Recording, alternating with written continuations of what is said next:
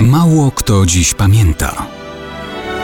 Datownik historyczny prezentuje Maciej Korkuć.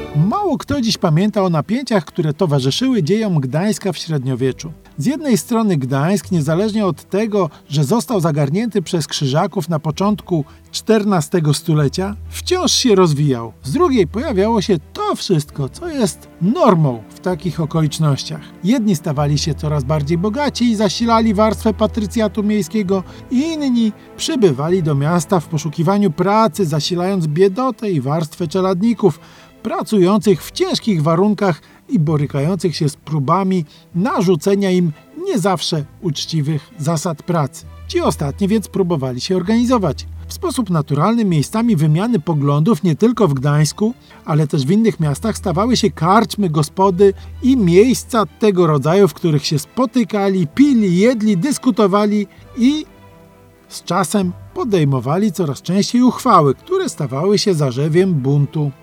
Stąd jesienią 1385 roku wielki mistrz zakonu krzyżackiego wydał w państwie zakonnym zakaz odbywania w gospodach tego rodzaju zebrań czeladniczych w celu podejmowania uchwał.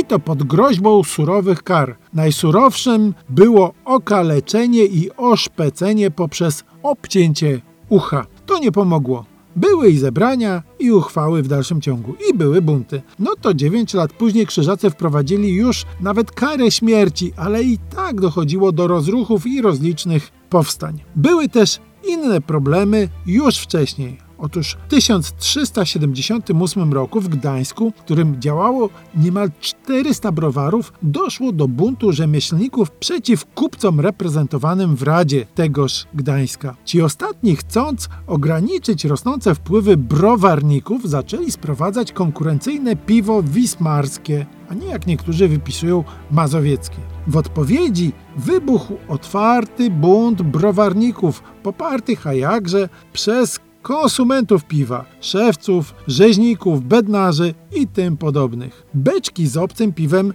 zaczęto niszczyć. Finalnie bunt został stłumiony, były wyroki śmierci i ludzie wrzucani do lochów, ale piwa z Wismaru już nie sprowadzano.